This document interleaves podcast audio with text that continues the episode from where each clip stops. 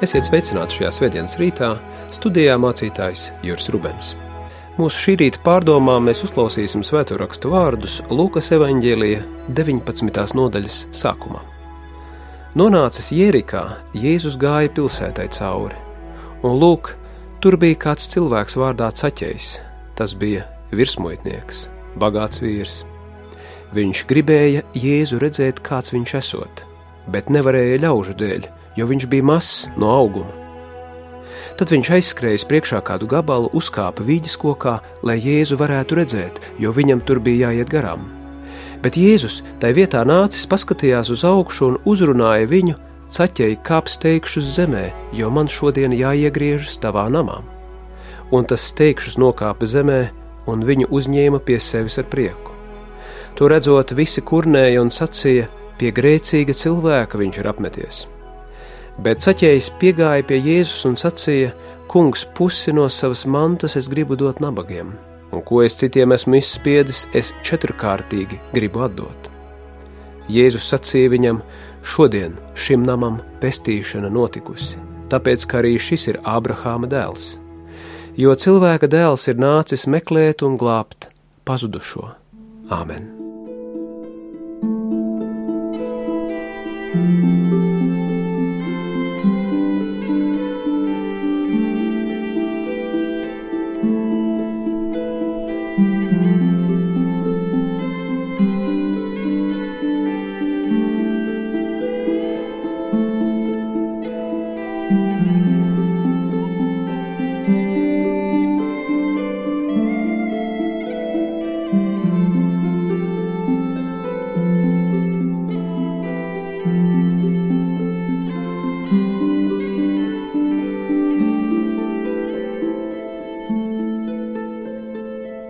Lai arī te pieminēti daudzi cilvēki, īstenībā notikums stāsta par vienu cilvēku un viņa sastapšanos ar Kristu.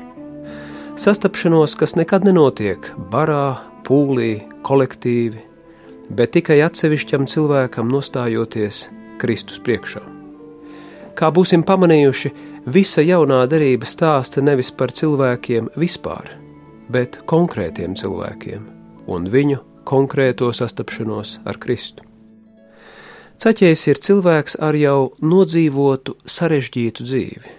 Viņš nesastop Jēzu jaunībā, kad viss vēl kā mēdzams sacīt ir priekšā, nē, viņš sastop Jēzu jau apkrauts ar savas dzīves lēmumu nastu. Viņš ir cilvēks ar pagātni, sarežģītu, pretrunīgu pagātni. Vienlaicīgi cilvēku apskausts un ienīsts. Virsmuitnieks Cilvēks Romas okupācijas varas dienestā tolaik ļoti pamatoti ienīstas profesijas pārstāvis, kurš sarausis lielu mantu. Viņa pozīcija viņam ir ļausi negodīgi iedzīvoties iespējās un mantā. Mūsdienīgi sakot, viņš ir korumpēts augstākā līmeņa ierēdnis. Tomēr zīmīgi. Evanģēlīja rindas piezīmē, ka caķējs ir maza auguma cilvēks. Liekas, ka šī piezīme pauž ne tikai kādu fizisku raksturojumu, bet nozīmīgu eksistenciālu īstenību, proti, mazuma sajūtu, mazvērtības apziņu, kas valda šajā cilvēkam.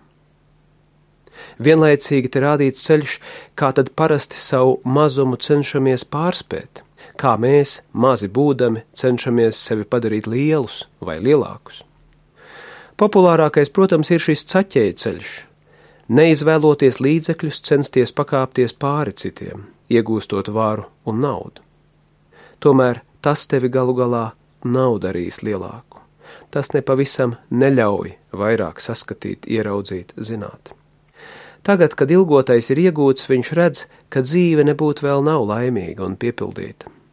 Tu jūti, ka svarīgākais ir vēl kaut kur ārpus manas dzīves ka svarīgākais kaut kur neglābjami paiet manai dzīvei garām. Un tu joprojām esi mazs un nevarīgs, ne par soli tuvāk īstajam lielumam. Vēl nav sastapts tas, kas jāsastop, ieraudzīts tas, kas jāierauga.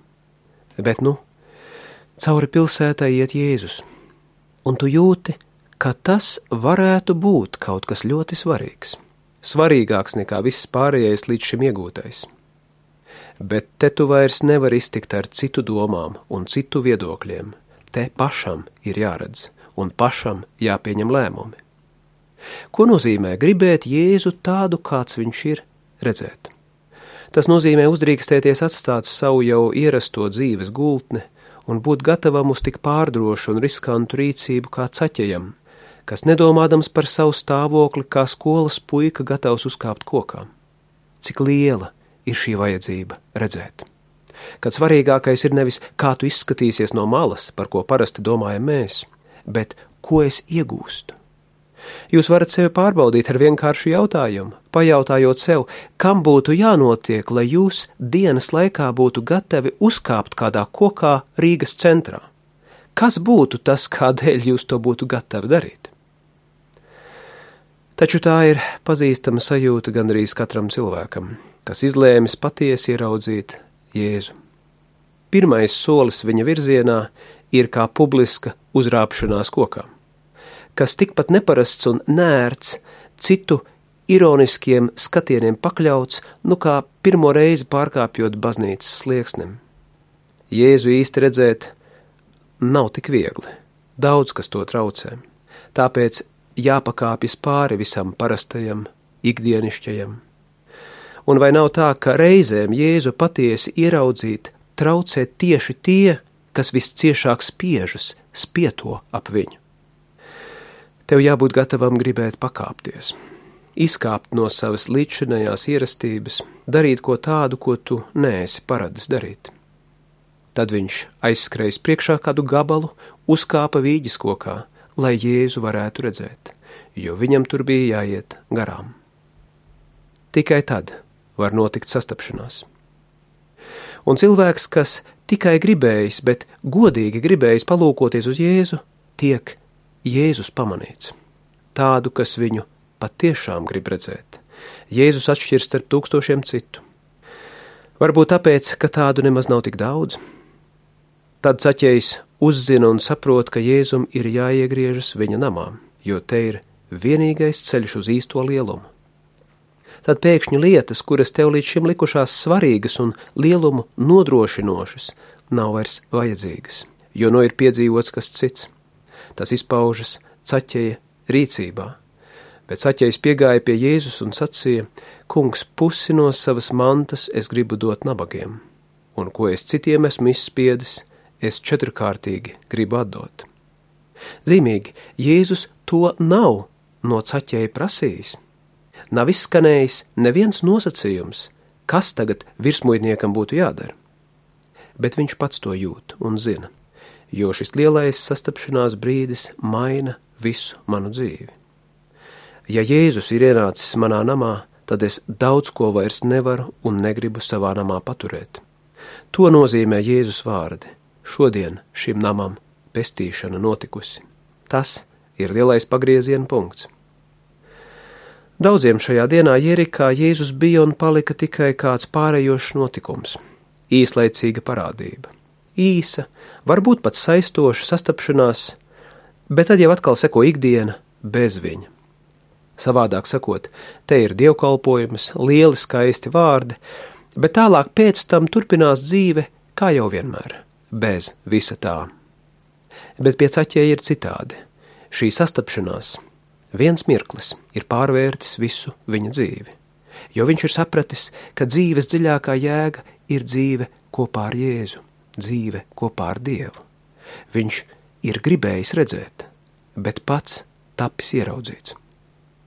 Protams, arī viņam jārēķinās, ka, lai gan Dievs viņu pieņēmis, cilvēki viņu vēl turpinās nepieņemt. Viņš ir viens no bijušajiem, kurus cilvēki lamā gan tad, ja tie paliek tādi, kā bijuši, gan tad, ja tie mainās. Bet dievam tas nav svarīgi. Viņam nav svarīga tava līdzinējā dzīve, tavas kļūdas un vainas, jo kurš gan ir bez tā, kurš? Viņam ir svarīgi, vai tu patiesi gribi Jēzu redzēt tādu, kāds viņš ir šodien, nevis tādu, kādu to citi attēlo vai es pats esmu iedomājies. Jēzu redzēt tādu, kāds viņš ir, nenozīmē apskatīties bildīti. Tas nozīmē sadūšoties pakāpties pāri līdzinējās dzīves apvārksnim. bet tas vienmēr nozīmē, ka mainās visa tava dzīve. Ka tu savu līdzšinējo, varbūt citādi piesātināto vai pārtikušo un labklājības pilno dzīvi pēkšņi ieraugi kā pazušanu, no kuras tevi var izglābt tikai Dievs. Jo Jēzu īsti ieraudzīt, tas nozīmē, ka visa pasaule un mana dzīve mainās, un es vairs nekad nebūšu viens. Jā, kas tad man jāsasniedz manā dzīvēm? Ko tad pavisam īsi kopā saņemot mums pavēsta šis stāsts par caķeju? Svarīgākais, lai arī mana un tava dzīve varētu kļūt par tādu stāstu, kas vēstītu, kā kāds mazs cilvēks reiz sastapa Jēzu, un tā kļuva liels. Āmen!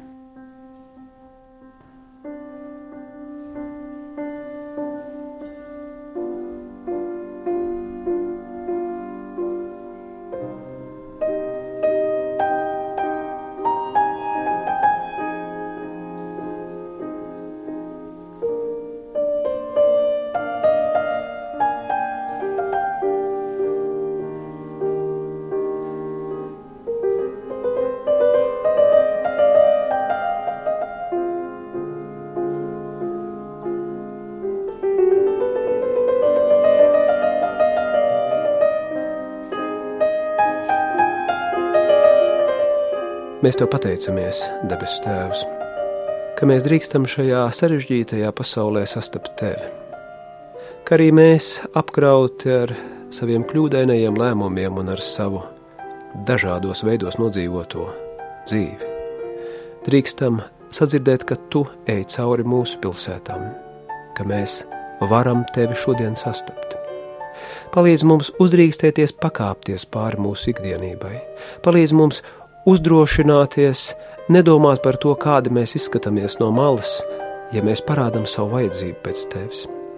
Palīdz, ka nekas neapstādina šo mūsu vajadzību tevi ieraudzīt, tad, ja tā ir pamodusies, un palīdz, ka tā mūsu mazums var pārvērsties par lielumu tevī. Mēs noliekam visu sevi tavās rokās, kad mēs Jēzus vārdā tā lūdzam. Mūsu Tēvs debesīs, svētīts lai top tavs vārds lai nāk tava valstība, tavs prāts, lai notiek kā debesīs, tā arī virs zemes. Mūsu dienascho maizi dod mums šodien, un piedod mums mūsu parādus, kā arī mēs piedodam saviem parādniekiem. Un neieved mūsu kārdināšanā, bet atpestī mūs no ļauna, jo tev pieder valstība, spēks un gods mūžīgi mūžos. Āmen!